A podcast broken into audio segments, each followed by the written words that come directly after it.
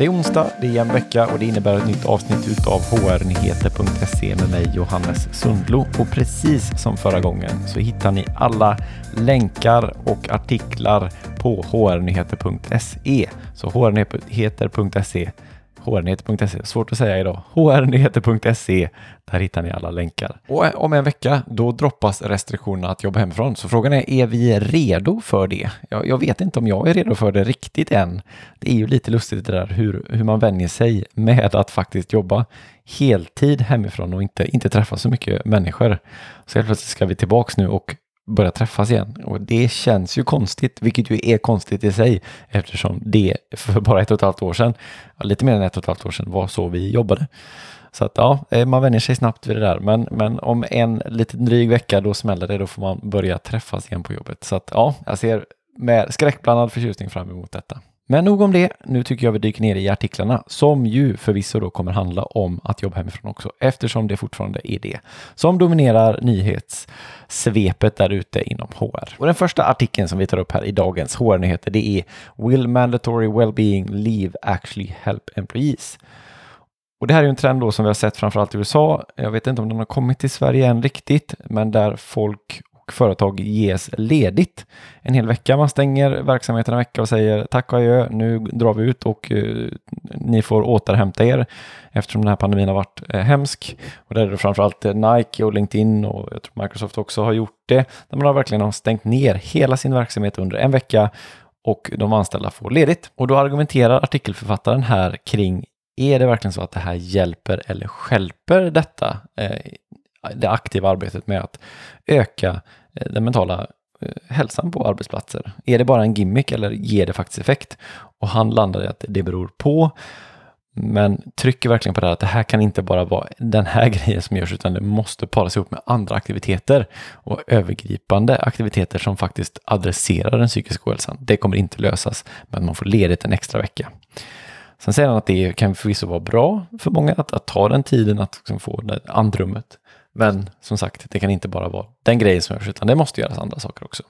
Det kan vara värt att läsa och påminna sig lite om vad som man kan göra för att öka den mentala hälsan på arbetsplatsen.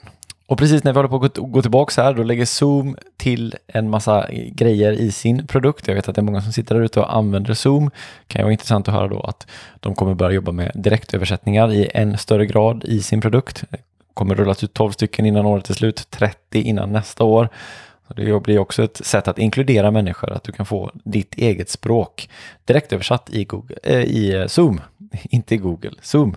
Och eh, ja, det återstår att se hur bra den där översättningen är då, men, men ja, ändå en fin funktion tycker jag. I det också så kommer man lägga till att du kommer kunna koppla ihop det med Facebooks VR-satsning Horizon och den ska vi återkomma till. Jag kommer inte återkomma till den i podden, men den kommer definitivt inom väldigt kort dyka upp på fullstackhr.io. Där kommer vi prata om metaverse och det, vad det innebär egentligen och vad, vad Facebook och många andra, också Microsoft bland annat, håller på att koka ihop när det gäller metaverse och virtual reality. För det, ja, det har varit lite här utskattat område nästan i ett ganska bra tag. Det, man har sett bilder på folk som står och viftar med sina headset. Men det händer otroligt mycket inom det spacet just nu. Så att, ja, det är värt att återbesöka i en separat och väldigt mycket längre utläggning och post. Så det kommer jag göra. Men den här Zoom-featuresen eh, och hur det integrerar med Facebook, det kan ni såklart läsa via länk på hrnet.se. Och det har varit mycket positiva artiklar som har kommit ut eh, kring att jobba hemifrån och vad det innebär. Inte minst jag själv ligger just bakom en stor del av det. Ni som har varit med länge, ni vet att det var länge sedan jag började prata om remote work i den här podcasten och fördelarna som kom med det. Och, och det, ja, man kan, vi kan alltid diskutera om jag skulle varit mer nyanserad eller inte kring det. Jag försöker i alla fall emellanåt vara nyanserad kring det och inte bara lyfta fram allt positivt med det. Men nu börjar vi också se lite de här eh, baksidartiklarna komma. Jag skulle gissa på att vi kommer se en allt större del av dem nu när vi går in i, i den här hybridarbetsplatsen som det faktiskt kommer vara. För jag misstänker att många här kommer inte lyckas fullt ut med sin hybridarbetsplats och att folk kommer komma i kläm och det kommer vi definitivt höra om. Men det sagt så har Microsoft precis släppt en jättestor studie som de har gjort tillsammans med forskare. Den är peer-reviewed så den är, det är en bra studie inte hunnit läsa hela studien än. Jag, tiden har varit lite tajt de senaste veckorna, men, men jag har läst artiklarna kring det, jag har läst deras blogginlägg och jag har lyssnat på, på de inläggen som de har gjort i alla fall. Ska du läsa en enda länk i idag så är det den här du ska läsa, för den pratar om men, riskerna som finns med eh, hybridarbetsplatsen egentligen, eller, eller remote work i det här fallet, då, för det, de har ju inte riktigt hybriden på Microsoft, utan alla har suttit hemma.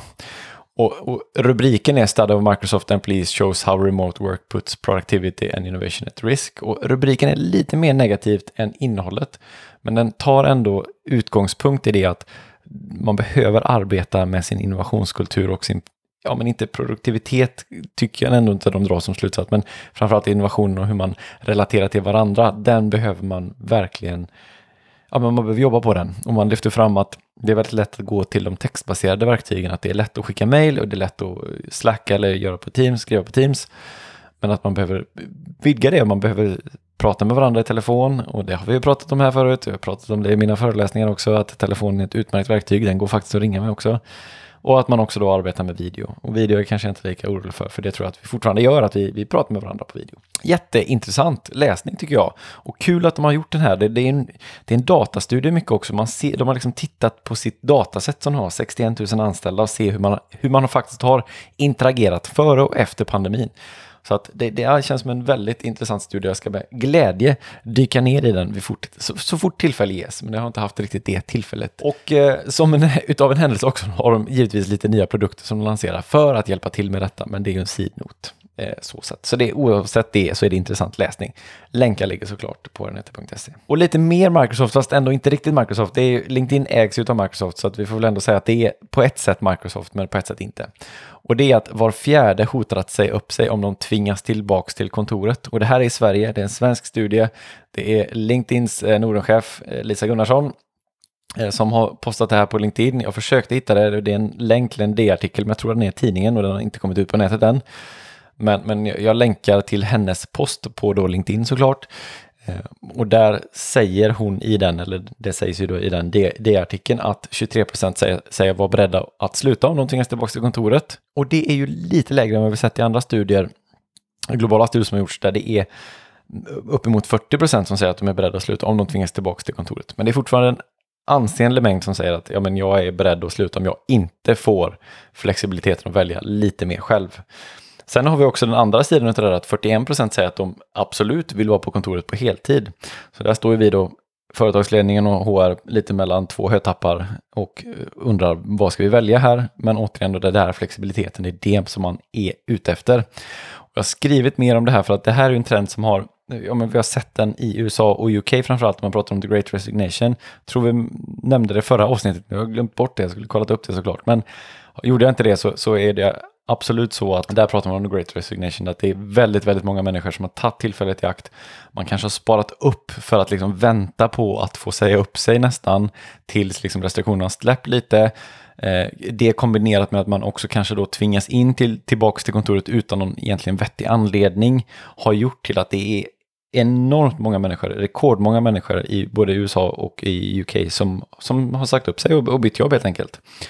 Och det här indikerar ju lite det också, att vi kan vara på väg att se samma sak i Sverige. Kanske på en lite lägre nivå då, men vi, vi, det finns ändå indikationer på det eh, kring att ja, men det kommer här vara rörelse på, på arbetsmarknaden och det tror jag vi kommer se här under hösten. Och anekdotiskt så, så vet jag att rekryterare har lättare att ta samtal och har lättare att, att prata med kandidater än någonsin tidigare. Så att det ligger nog någonting i det någonstans där att ja, vi behöver tänka till lite igen, återigen kring hybridarbetsplatsen och hur vi hanterar våra anställda. Och vill du höra mer om det så, eller läsa mer om det så, så ligger den här posten, The Great Resignation, eh, länkad också. Eh, jag lägger ut texten lite där, men, men ja, det, det, är inga, det är ingen raketforskning på något sätt, utan du kommer känna igen allting, vad som, händer, vad som gäller för att motverka det här.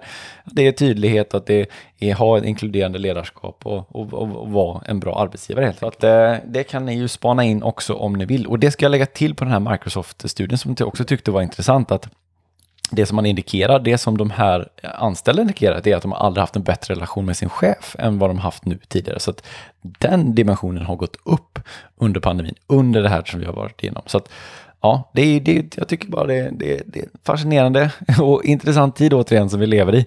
Det är roligt att vara med i det här och ja, vi får se var det landar. Jag är oerhört spänd på att se hur det här kommer spela ut nu när vi faktiskt då går tillbaks i nästa vecka. Och det var egentligen allt som vi hann med den här eh, onsdagen. Jag är som vanligt superglad att du har lyssnat på det här. Följ mig gärna på LinkedIn eller lägg till mig på LinkedIn om det är så att du vill det. Och dela dig gärna den här podcasten om du tycker att den är bra med några kompisar eller en kollega eller en chef. Det hjälper ju den här podcasten jättemycket. Klicka hemskt, hemskt gärna på följ-knappen på Spotify. Det hjälper den också jättemycket, podcasten. Och det, den är ju gratis, det kostar ingenting. Jag försöker hålla den så reklamfri som möjligt. Men det hjälper podcasten om du klickar på den där lilla prenumerera-knappen eller följ-knappen beroende på vilken plattform du är på. Så säger vi så, så hörs vi igen om två veckor.